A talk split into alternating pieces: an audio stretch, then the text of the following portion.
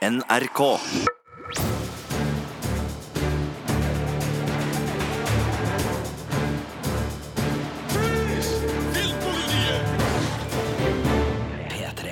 Det er klart for en ny podkast fra oss i Filmpolitiet, som i dag er Sigurd Vik. Marte Hedenstad. og Birger Vestmo.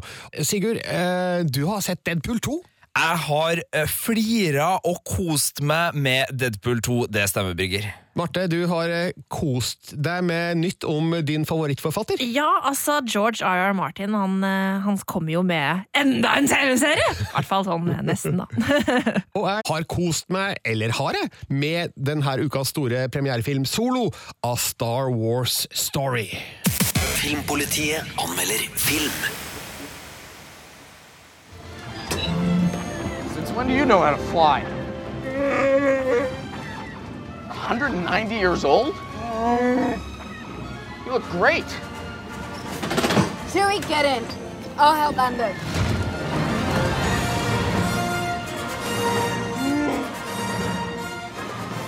Ok, Den musikken der og Chewbacca-lydene gjør jo at du automatisk trekkes inn i Star Wars-universet. Ja! Eh, dere har jo ikke sett filmen. Nei!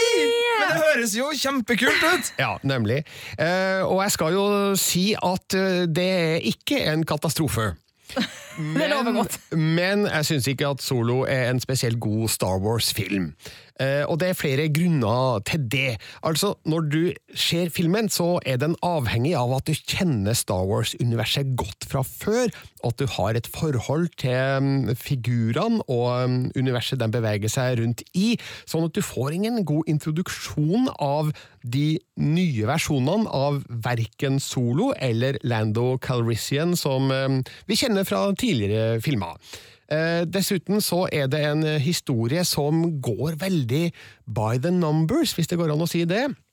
Altså, Den går fra sted til sted og krysser av på sjekklista, og eh, den har ingen overhengende flyt. Altså eh, en, en, en overhistorie som føles eh, interessant og, og vesentlig. Så jeg er litt skuffa over eh, historiefortellinga, rett og slett, her. Selv om det fins altså enkeltstående scener og sekvenser som er kule, og som er godt løst, og det er veldig gode effekter her, men jeg sitter igjen med et inntrykk av at eh, de har ikke kommet med en skikkelig god historie som river meg med fra første stund, og som eh, resulterer i et eh, spennende klimaks. Filmen fisler liksom ut da, før den siste halvtimen. Men en ting jeg er veldig spent på her, er jo det er jo noen ikoniske rollefigurer som har fått nye skuespillere. Hvordan, hvordan funker det her rollegalleriet, og spesielt da den unge Han Solo i, i ny skuespillerdrakt? Ja, nå skal det sies at eh, Olden Ehrenreich eh, har jo hatt en nær umulig oppgave å, å kopiere Harrison Fords legendariske mm, figur, eh, og det har han vel heller ikke klart. Jeg, jeg tror egentlig ikke at han har prøvd heller. Eh, han prøver ikke å være Harrison Ford, han prøver å være en eh, versjon av seg sjøl, tror jeg.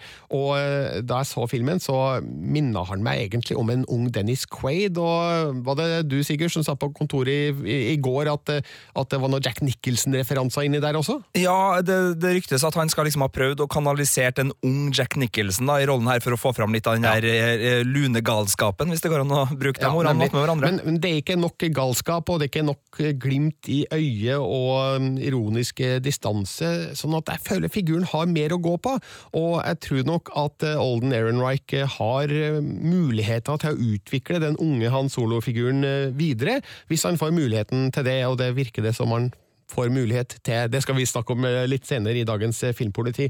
Men eh, et annet problem da, for Han Solo-figuren er at han fullstendig overskygges av Donald Glover i rollen som Lando Calrissian, som er den uten tvil kuleste figuren i hele filmen. Ja, kan vi bare nevne at han også da er Childish Gambino. Ja, han fyren du har sett på YouTube som danser oppå det Ja. biltaket i This Is America, og mannen som også lager TV-serien Atlanta. Altså, jeg vil si, han, enda, jeg har brukt den her før, da, men han er litt sånn Beatles rundt 1966. Altså, alt han gjør nå, er bare Det er gull. dritkult. Og han er skikkelig kul som Lando, og eh, han eh, vil jeg også gjerne se mer av, og det skal vi også snakke mer om litt eh, siden, men han stjeler alle scenene han er med i i denne solofilmen. Dessverre er han ikke med i noe av dem. Så eh, det, det beste med hele filmen er, det er Donald Glover. Jeg skal også si at eh, for de som er effektjunkies, så er det mer enn nok av det her. Det er mange kule, gode scener med romskip og um, lasersverd og um, Nei, nå husker jeg ikke om det var så mye lasersverd, faktisk, men mye romskip i hvert fall. Og, og flyging og eksplosjoner og alt det som hører med. Så som ren popkornunderholdning er Solo av Star Wars-movie helt grei. Jeg har fått eh, vink på sosiale medier som tilsier at det, det fins de der ute som har likt filmen mye bedre enn det jeg har gjort. Eh, og kanskje jeg er litt streng, men jeg tenker at det her er, det er Star Wars, altså. Okay. De har brukt eh, 4000 milliarder dollar, ja, kanskje ikke så mye, da, men de har brukt masse penger på det her. Eh, så vet vi at innspillinga har hatt eh, vansker med bytte av regissør eh, midt uti, og det er jo egentlig en, en god prestasjon og grei å hale i land en eh, film som Ron Howard eh, her har gjort. Men nei, eh, Something Left To Be Desired, som det heter på godt engelsk. Jeg føler at de har greid noe, men de har ikke greid å lage en skikkelig god Star Wars-opplevelse som føles eventyrlig nok. Det er mm, litt mer eh, rutineprega enn jeg skulle ønske. Så Solo A Star Wars-movie, som sagt, helt grei popkorn, men det er ikke en god nok Star Wars-film. Terningkast tre. Filmpolitiet. Jeg skal understreke at jeg elsker Star Wars, har et nært forhold til alle filmene. Jeg har alle sammen på Blu-ray, ser dem ofte.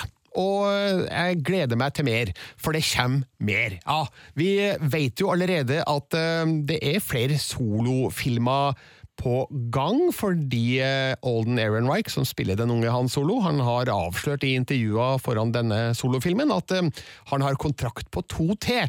Og jeg skal ikke avsløre noe om hva som skjer i solofilmen som går på kino nå, folkens, men eh, den, den avsluttes på en måte som gjør det rimelig klart at uh, det finnes muligheter her, for å si det sånn. Jeg har jo ikke sett filmen, men jeg vil likevel avsløre noe fra solofilmen. Nei. Eh, han dør ikke.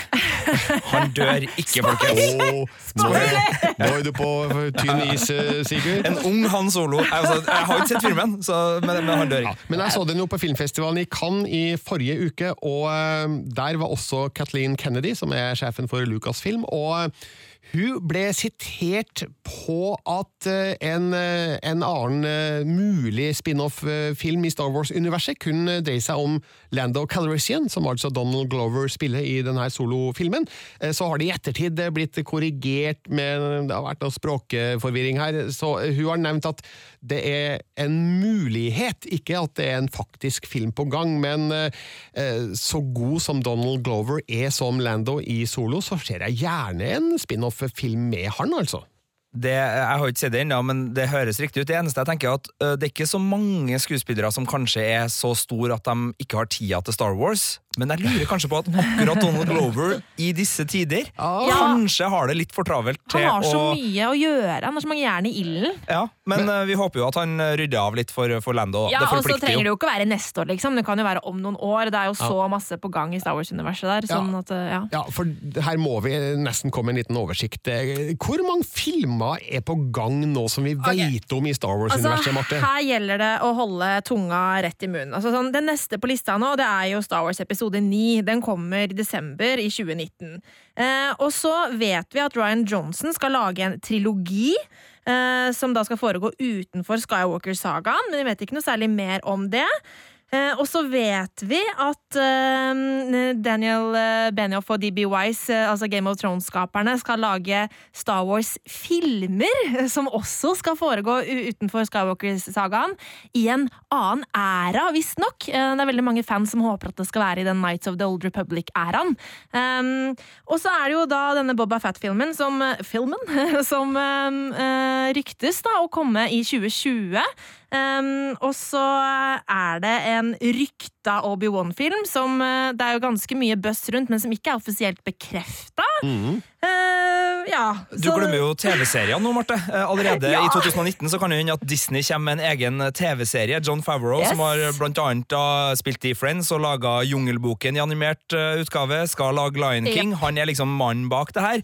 Uh, og det er, en, det, det er minst én TV-serie i Star Wars-universet som Ja, planlegges fordi fra at Disney. eh, Disney kom jo med sin egen strømmetjeneste i eh, 2019-ish. Ja, slutten av 2019. Og da regner vi med at Mm. det dukker opp masse Star Wars der. Du nevnte Boba Fett-filmen, og den har jo nå fått knytta til seg en regissør, og det er Yes. ingen ringere enn James Mangold.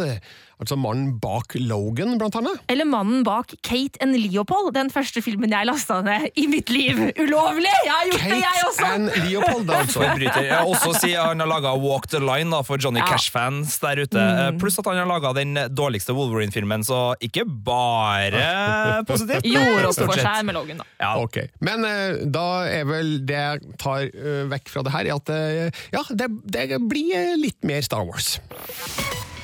Petra.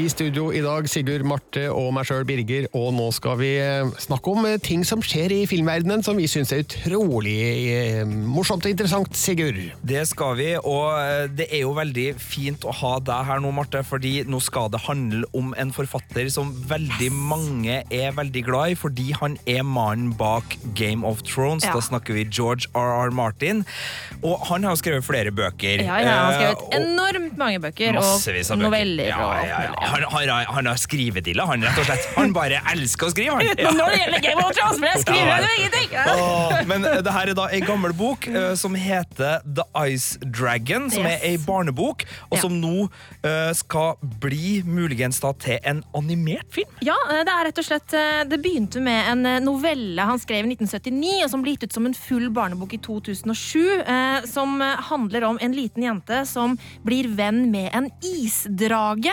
eh, Som skal eh, Som da redder henne og eh, landet hennes fra flammedrager. Uh, nå har jeg fanteori på Game of Thrones. her. Hva om den lille jenta er Daenerys, og så er Ja, Easter altså, ja, ja, det er i en, i en mytisk verden for lenge lenge siden. eller noe sånt. Nå er, Ja. er det omtalt som, så jeg, jeg vet ikke om det har noe med Game of Thrones å gjøre. det, men det har ikke Det fordi høres litt kjent ut, da! Ja, det, det, det, og jeg vil jo at det skal være det. Jeg vil jo at det her skal ha noe med Game of Thrones å gjøre, Ja. men ifølge i hvert fall Wikipediaen til denne boka, så har George R. R. Martin sjøl sagt at det her var skrevet før A Ja Song da, of Ice and Fire ble det. påtenkt, og det er ikke i den samme verden. Men han i sier mye rart. Men altså, den fulle boka ble jo skrevet i 2000, eller ble, ble gitt ut i 2007. Før, Ja. før det så var det jo bare en novelle, så Ja. hvem vet?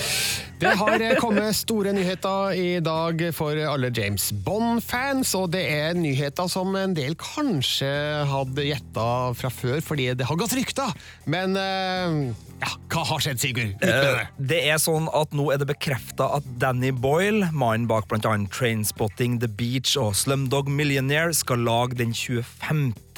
James Bond-filmen, som skal komme eh, i 2019, nærmere jul eller på senhøsten der, og som skal være da den femte filmen med Daniel Craig i hovedrollen. Jeg syns det er strålende nytt, fordi Danny Boyle har bevist gang på gang at han kan lage hva som helst. Han kan lage skrekkfilm, han kan lage action, han kan lage drama og komedie, og jeg er helt sikker på at det bor en veldig bra Bond-film i den regissøren, altså. Ja, jeg, jeg syns jo av og til han kan bli litt kjedelig og veldig stilisert og litt seig, men samtidig, James Bond er i seg sjøl så spennende og actionpakka at det kan faktisk være en veldig god kombo, tenker jeg. Fordi hvis Danny Boyle tar med seg sin kall det estetiske sans øh, inn i det her universet, så kan det jo bli en av de vakreste og mest sånn og, og jeg tenker James Bond trenger å fornye litt de, det visuelle snadderet. Nå ser jeg bare for meg sånn Daniel Craig i sånn, i sånn danse, sånn Bollywood-style-dans. Som en sånn lite innslag midt i filmen der. Jeg tror det kommer til å bli kjempebra. Ja, nei, men Det er mulig at han kan finne på noe spill. altså Ja. Han er truende til det, Danny Boyle. Men uh, hvis du ser f.eks.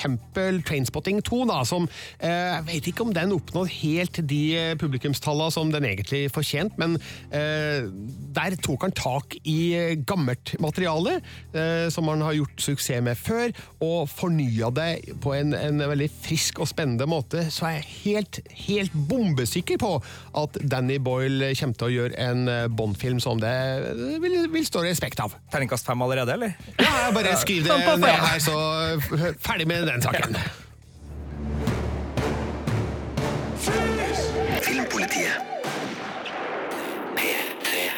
Du hører Filmpolitiet med Sigurd, Marte og Birger, og nå skal en av oss fortelle deg om andre sesongen av 13 Reasons Why er verdt å sjekke ut. Filmpolitiet anmelder TV-serie. It felt like this whole thing was going to be over.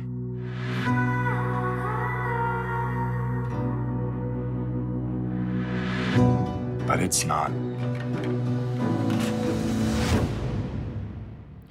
13 Reasons Why sesong 2 er nå tilgjengelig, og jeg tror at det nesten må bli deg, Sigurd, som skal fortelle oss om den, fordi det er du som har sett den. Ja, uh, Sesong 1 av 13, Reason, 13 Reasons Why kom i fjor på denne tida. Ble en farsott, en av Netflix, om ikke mest sette serier, i hvert fall mest omdiskuterte serier. Jeg vet, Marte, du har sett sesong én, sånn som Ja, jeg har. Birger, du er blank på 13 Reasons Why. Yep. Ja, ok, Men du husker greia? Du husker snakkisen? Du husker fenomenet? Ja, jeg Ja. gjør det. Uh, og det var en serie som uh, var 13 episoder med 13 innspilte kassetteiper, hvor ei ung uh, jente, som da het Hanna, fortalte om hvorfor hun valgte å ta livet sitt. En serie som traff meg veldig. Jeg likte den kjempegodt, og som var vond og sår og ektefølt, og gikk helt i ytterkanten av en del type framstillinger, og fikk en del kontroversielle temaer på banen, men jeg syns den gjorde det bra, og jeg applauderte den serien. Følte også veldig at det var en serie som var ferdig etter de 13 episodene. Det var liksom Jeg har sett den serien. Den hadde en fin slutt, den hadde et naturlig punktum. Satt ikke og tenkte 'å, nå må sesong to komme snart'. Uh, derfor så var det litt rart å starte på, og jeg må si sesong to føles litt unødvendig på sett og vis. Altså, Den klarer å bygge opp igjen spenning. Den tar tak i konflikten fra eh, sesong én og bygger videre på den, for det var jo ikke alt som var eh, helt eh, løst og sånne ting, men, men, men den kjennes litt sånn kunstig igangsatt fordi folk likte rollegalleriet. Her kan vi fortsette, så vi gjør det.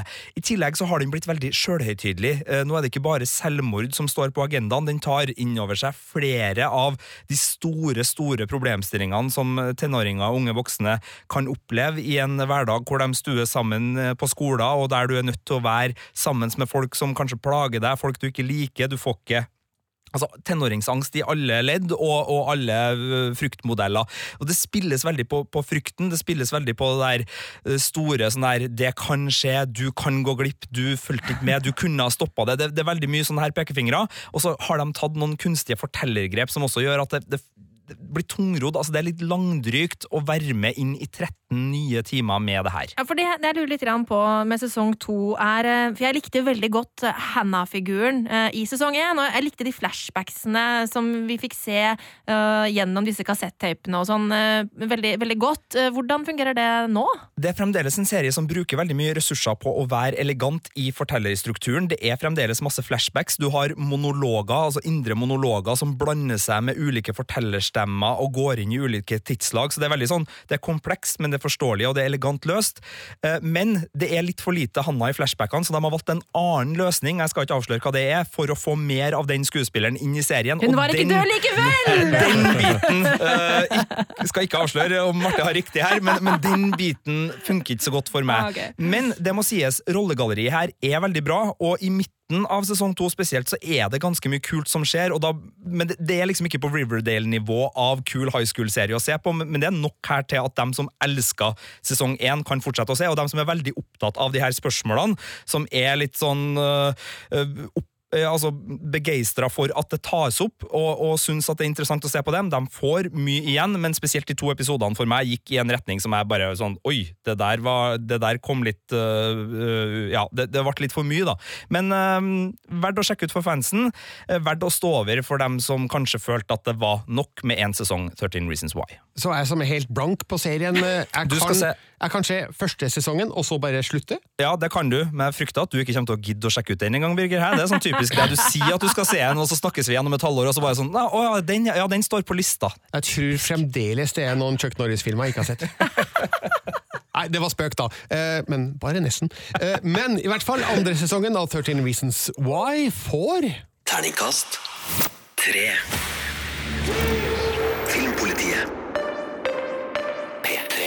Og nå skal det handle om Deadpool 2, som du har sett, Sigurd. Det har jeg, men bare spør dere. Dere har begge sett Deadpool 1, ikke sant? Ja. Ja.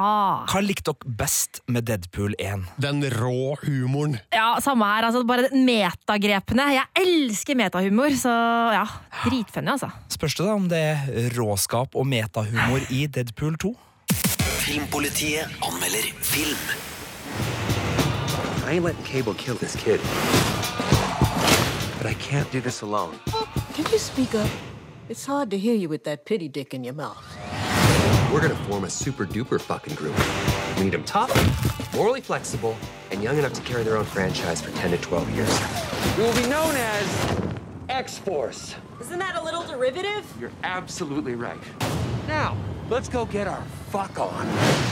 Ok, Når jeg hører det her, Sigurd, så tenker jeg at det her kan da umulig slå feil. Eh, det har du egentlig ganske rett i, og gladnyheten til dere begge to da er at eh, det er fremdeles veldig, veldig grovt, og det er fremdeles veldig, veldig, veldig mye metahumor. Og mye av det her stammer jo fra hovedrolleinnehaveren sjøl, Ryan Reynolds, som nå også er på manussida, og han er jo både ganske sånn corny, teit, vulgær. Ja. Og så er han en mitraljøse av popkulturelle referanser. Og det gjør at uh, det her er en slags metasjangersatire på den ene sida, samtidig som det er nok superheltfilm til at det faktisk også er en superheltfilm på den andre sida. Så de får litt sånn uh, to have your cake and eat it too-vib her. De får liksom kred for å uh, ha en litt sånn distanse til superheltsjangeren og ikke bli en del av det der supermette ja, Hva var det du kalte uh, Avengers Infinity War? En, en koloss, var det, Birger? Eller? Ja, noe sånt, ja. Ja, og, så den unngår liksom den biten der, eh, men, men har drivet. Og det som er det beste er at det har kommet inn en, en ny regissør her som heter David eh, Jeg tror det er Leist, eller Likt, eller et eller annet. Hva vil du? Leitch. Leitch, ja. Han har tidligere laga John Wick, som er en superkul actionfilm, og så har han laga Atomic Blonde, som du ga terningkast fem, eh, Marte. Uh, jeg husker ikke helt hvilket terningkast jeg ga, ja, men eh, det, historien var syltynn, eh, så jeg var kanskje litt snill, men actionen var knallgod. Ja, og det er det som er så bra med Deadpool 2, da, for at det her er kreativ gladvold på sitt artigste. Altså, jeg har ikke flira så mye i en kinosal uh, i år før. Det er uh, så mye rygger som knekkes på artig vis, og det herlige med Deadpool er jo at han tåler jo alt. Han er jo en selvskadende superhelt som, som uh, har mutasjonen at han kan helbredes åkke som, litt sånn Wolverine på speed, og det utnytter da denne filmen til det maksimale. Så jeg liker den aller best på grunn av den kreative gladvolden. Jeg tenker at Litt av appellen med den første Deadpool-filmen var jo å oppdage figuren. Altså oppdage den på nytt igjen for um, noen, og for første gang for de fleste.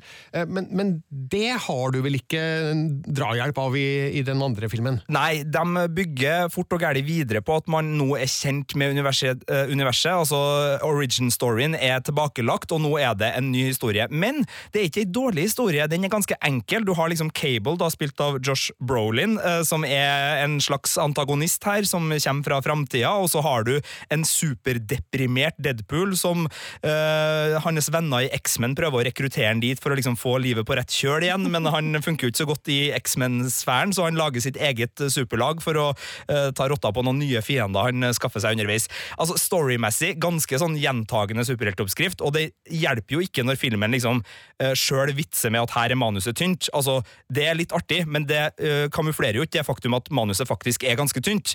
Men med sjarm, grovhet og masse, masse kule referansevitser til liksom Rick and Morty, andre superheltfilmer, uh, Green Lantern-rollen som Ryan Reynolds klarte å fucke opp totalt sjøl, så, så blir det her en sånn popkulturfest da, som jeg i hvert fall, som liker sånne ting, storkoser meg med.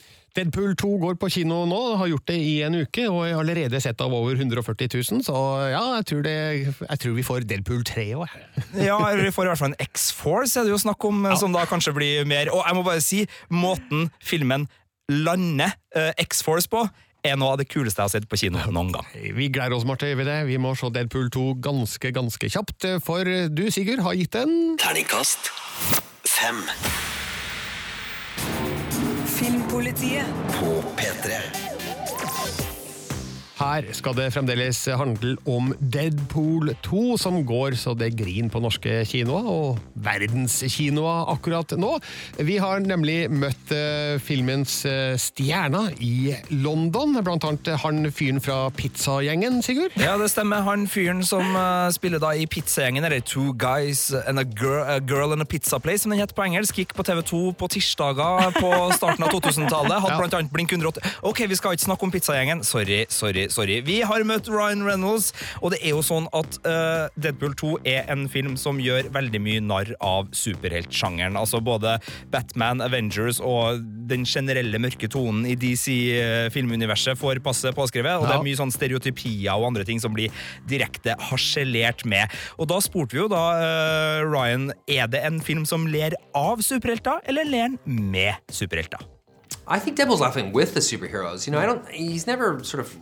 I don't. You know, Deadpool has actually. What's funny is that Deadpool has a good heart. He's not like a mean person. He's a guy that really do, genuinely wants to be a better person than he was yesterday. And, um, but you know, Deadpool is also the voice of the audience. So you know, Deadpool will say and do things that perhaps the audience might be thinking in that moment. He'll call something out, sort of, you know, is a trope from the superhero genre or something we've seen a hundred thousand times or whatever it is. So um, that's something that I think I, well, for me, I love about Deadpool, and I know audiences really connect with that that aspect of him.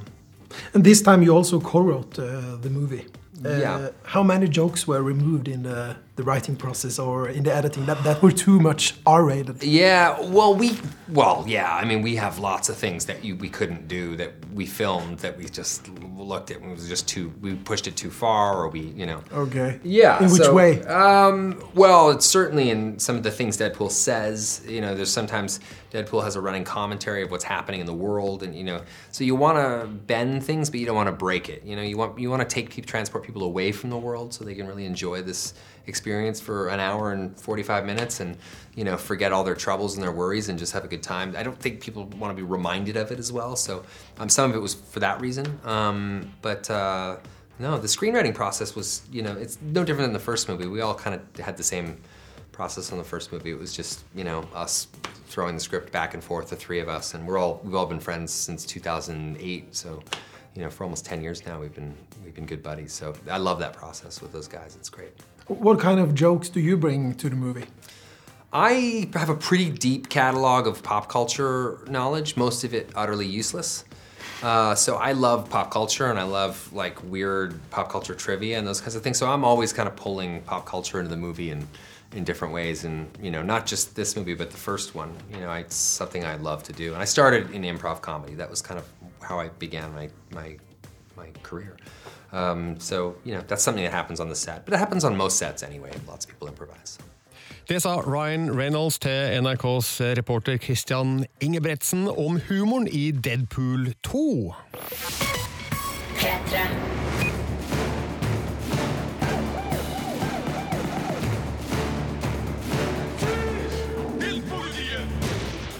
Her handler det om Deadpool 2, som får terningkast fem av oss i Filmpolitiet. Det vil si av deg, Sigurd Vik. Det stemmer. Terningkast fem. Terningkast fem. Terningkast Borger for kvalitet, gjør du ikke? Ja, det gjør det. Det borger i hvert fall for at jeg hadde jævlig artig i kinomørket når jeg så Deadpool 2. Og I sted hørte vi Ryan Reynolds fortelle om humoren i Deadpool 2, men eh, vi har møtt eh, flere fra filmen. Det har vi. Vi møtte også regissør David uh, Hva ble vi enige om? Leitch. Leitch. Jeg må lære meg uttalen på det navnet. David Leitch. Han er en mann veldig kjent for action. Han har vært stuntmann for bl.a. Brad Pitt og Jean-Claude van Damme, og har også da vært medregissør på John Wick, eh, den kule, kule actionfilmen med Keanu Reeves i hovedrollen. Og så laga han da Atomic Blonde i fjor, tror jeg det var, som fikk terningkast av Marte Hedenstad, som hadde Charlize Theron i hovedrollen. Det ble en terningkast fem der, Ja, Det ble en terningkast fem der. Ja, ja, ja, ja. Jo, jo, jo. Men, altså, men han er actionduden, da. Så, men han har ikke så mye erfaring med komedie, så for han så var det liksom noe nytt da, når han plutselig skulle liksom prøve å fange komikk med kamera. Yeah, I have not had a lot of experience with comedies, and I know this probably isn't the most reassuring director thing to director to say, but it's like I'm a huge fan of comedies, so that doesn't mean that you can direct them. But um, I think directing comedy is not unlike any sort of performance, right? You're judging sort of performance in front of the lens. Um, if there's an emotional scene and you have a visceral reaction, then you go, that works. Cut. Check the gate. If it's comedy, it's it's empirical. Like people laugh, moving on, right? So um, yeah. I and by the way, you know, I enjoy comedies, and and, and uh, you know, so many of my top ten movies are probably comedies. I'm glad to be involved. Det sa David Leitch, som altså har regien på Deadpool eh, nummer to. Og der spiller Josh Brolin en skurkefigur, Sigurd. Det gjør han. Muskelbunt, Birger. Han spiller muskelbunt. Ja, Han er i siget nå, altså. Han spiller Thanos i Avengers Infinity War. eh, Og eh, Cable da i Deadpool 2. Ja, og snart skal vi få vite hvordan han kommer i form til å spille alle de her gromme guttene. No, you can. Anybody has the opportunity to do it. You just have to be disciplined. I mean, the, the fact that you can't eat it, you no sugar, and you have to weigh everything, and you have to be at the gym three hours a day. Who wants to do that? What a waste of life. For how long? 11 weeks to prep, four months of actually doing it. So three and a half hours of makeup in the morning. So say I had to get up at four in the morning, or if I had a four in the morning call before work, means I had to get up at 1.30 or 2, go work out, go do three and a half hours of makeup, and then show up on set for 12 hours, 13 hours. Wow. Yeah. Not something you want to do. For, I'm glad it's not a series, a TV series. No, no. Jeg merker jeg er ikke en fyr som vil liksom vanligvis prøve å følge med på liksom eh, fitnessbloggere og er veldig opptatt av eh, kropp og helse og sånn, men jeg merker sånn, når en fyr som uh, Josh Brolin snakker om det, så blir jeg litt sånn Fortell meg mer! Får du meg lyst mer! til å begynne å trene, Sigurd? Nei, så ille er ikke. Men, men det er jo interessant, da. Det høres jo helt herkende jævlig ut om å trene så mye, og så stå opp så tidlig, og så sitte i sminken så jævla lenge. Men godt betalt, da. Det kan være at det hjelper, ja. Hmm, det kan være noe. Ja, eh, Reporter i London var Christian Ingebretsen, og Deadpool 2 går på kino nå. Du hører en podkast fra NRK P3. Og eh, nå skjer det ting i filmverdenen som eh, vi syns er ganske perfekt, eh, Sigurd og Marte. Det gjør det, og da er det jo den der norskheten vår som blir litt sånn ekstra pirra nå, når det kommer nyhet om at Norgesvennen, holdt jeg på å si. Altså vår mann Tommy Wirkola.